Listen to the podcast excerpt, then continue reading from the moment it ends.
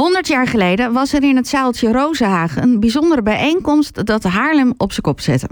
De heropvoering Soirée Dada was snel uitverkocht toen we het hier over hadden een paar uh, maanden geleden. Maar er is gelukkig meer te doen in Haarlem en er is een extra voorstelling waar nog wat extra kaartjes over uh, voor te koop zijn. Aan de telefoon Peter Bruin, een van de twee organisatoren. Hele goedemorgen, Peter.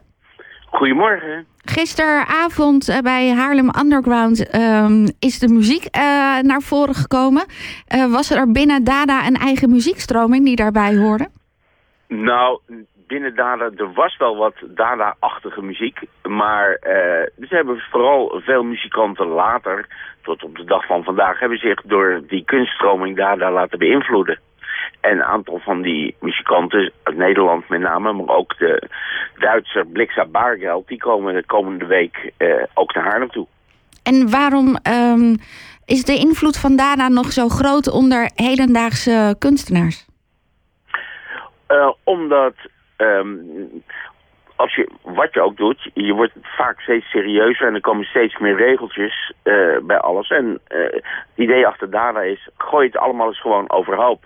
En uh, doe gewoon eens iets geks. En dat in, bij wat je doet, tot afwassen aan toe, is dat, kan dat heel verfrissend werken als je een hekel hebt aan afwas en je hebt veel sop... en dan ga je, met z'n tweeën bezig en gaat lekker met sop naar elkaar gooien. Dat is hartstikke leuk.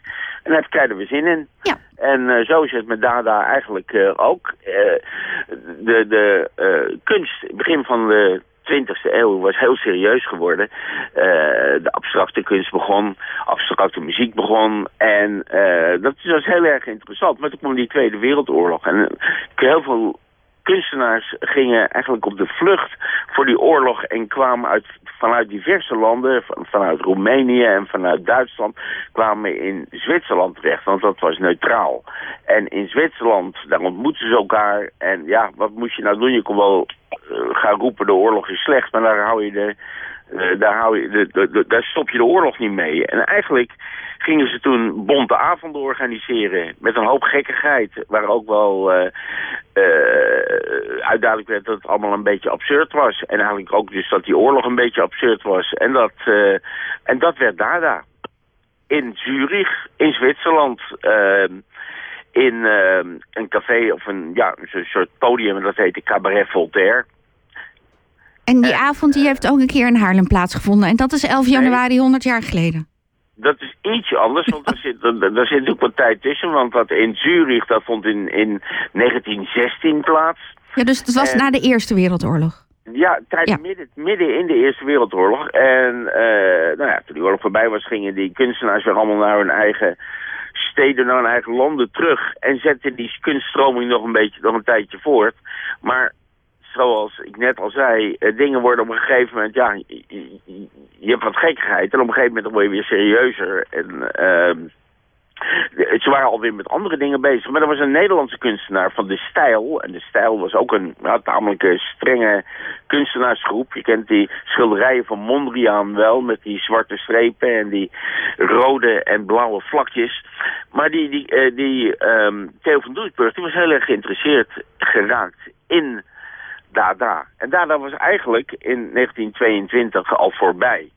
Uh, maar hij was er heel erg geïnteresseerd in geraakt en hij wilde dat in Nederland introduceren. Want dat was, ja, je had in die tijd nog geen tv en geen internet, dus dat was eigenlijk totaal aan Nederland voorbij gegaan. Er waren in Nederland ook geen Dada-kunstenaars. Maar die van Doesburg was geïnteresseerd geraakt en die zei van, nou, dat ga ik dus in Nederland introduceren met een soort, uh, we gaan dus met een aantal kunstenaars langs een serie steden.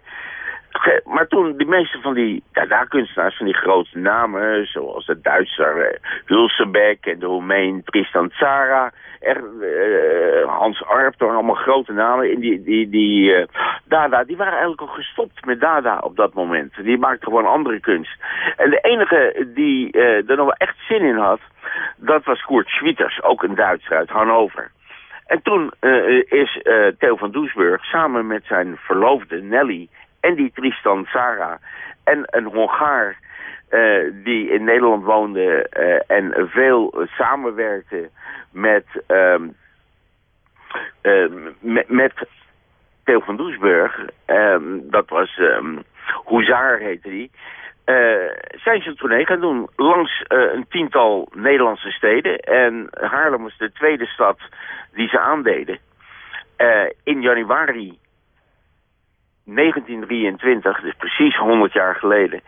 En omdat dat ook de, uh, in Haarlem eigenlijk, ja, Den Haag was begonnen de dag ervoor. En uh, twee dagen in Haarlem. En daar kwam heel veel pers op af, want uh, ze zouden nog verder door het land gaan. Dus met name op die eerste twee avonden kwam heel veel pers. En was een avond vol flauwekul en, en, en, en grappige dingen. En, en waren die andere avonden uiteindelijk dan ook een succes? Ging dat door? Of stierf dat een stille dood? het, het, was wisselend. Het was een succes, zeker in, uh, als je er nu op terugkijkt. Maar uh, in, in de kranten stond oh, heel vaak dat het verschrikkelijk was. Ik, de mensen die er naartoe gingen, die, die, die hielden wel van een lolletje. Dus die, die hadden een prachtige avond. Maar er waren ook een heleboel serieuze kunstliefhebbers. En die zeiden, wat is dit voor flauwekul uh, kunst? Dat moet uh, de mensen verheffen en dat moet, uh, dat moet ergens aan bouwen en dat moet serieus zijn. En die vonden het eigenlijk maar een schandalig gedoe. Nou is het 11 januari 100 jaar geleden. Hoe leef je naar deze dag toe inmiddels? Nou ja, we hebben niet alleen die uh, soirée georganiseerd, maar ook een tentoonstelling die vanmiddag geopend wordt in, de, in het ABC. En er is morgen een filmavond in uh, de schuur.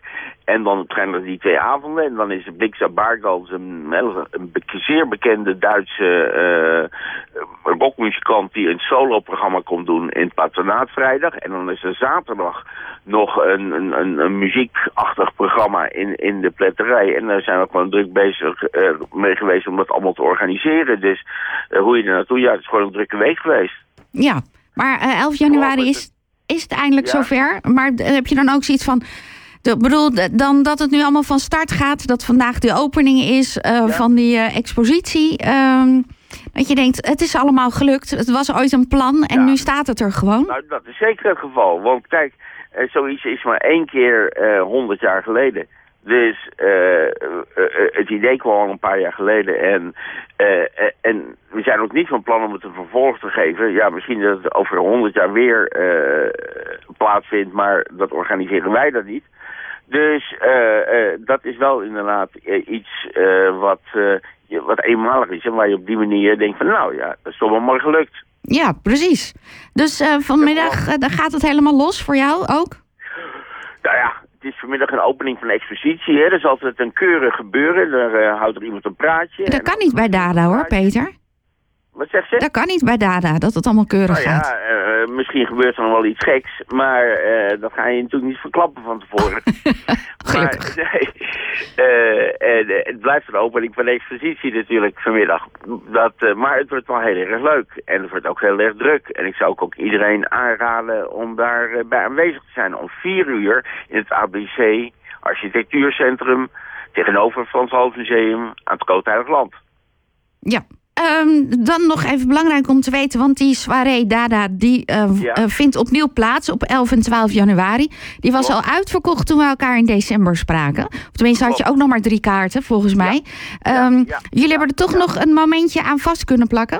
Dat klopt. Uh, daar was ook een reden voor. Uh, het was, zoals je zelf terecht zegt, heel snel uitverkocht. En toen kwamen er opeens allemaal geluiden uit de buurt van dat zaaltje in die Rooshagenbuurt. En die zeiden, ja god, maar dit is bij ons in de buurt is het hier 100 jaar geleden plaats. We willen er zelf ook bij zijn en we wisten niet dat, dat die kaartverkoop al begonnen was. Nou, toen hebben we gedacht, van, wat kunnen we daaraan doen?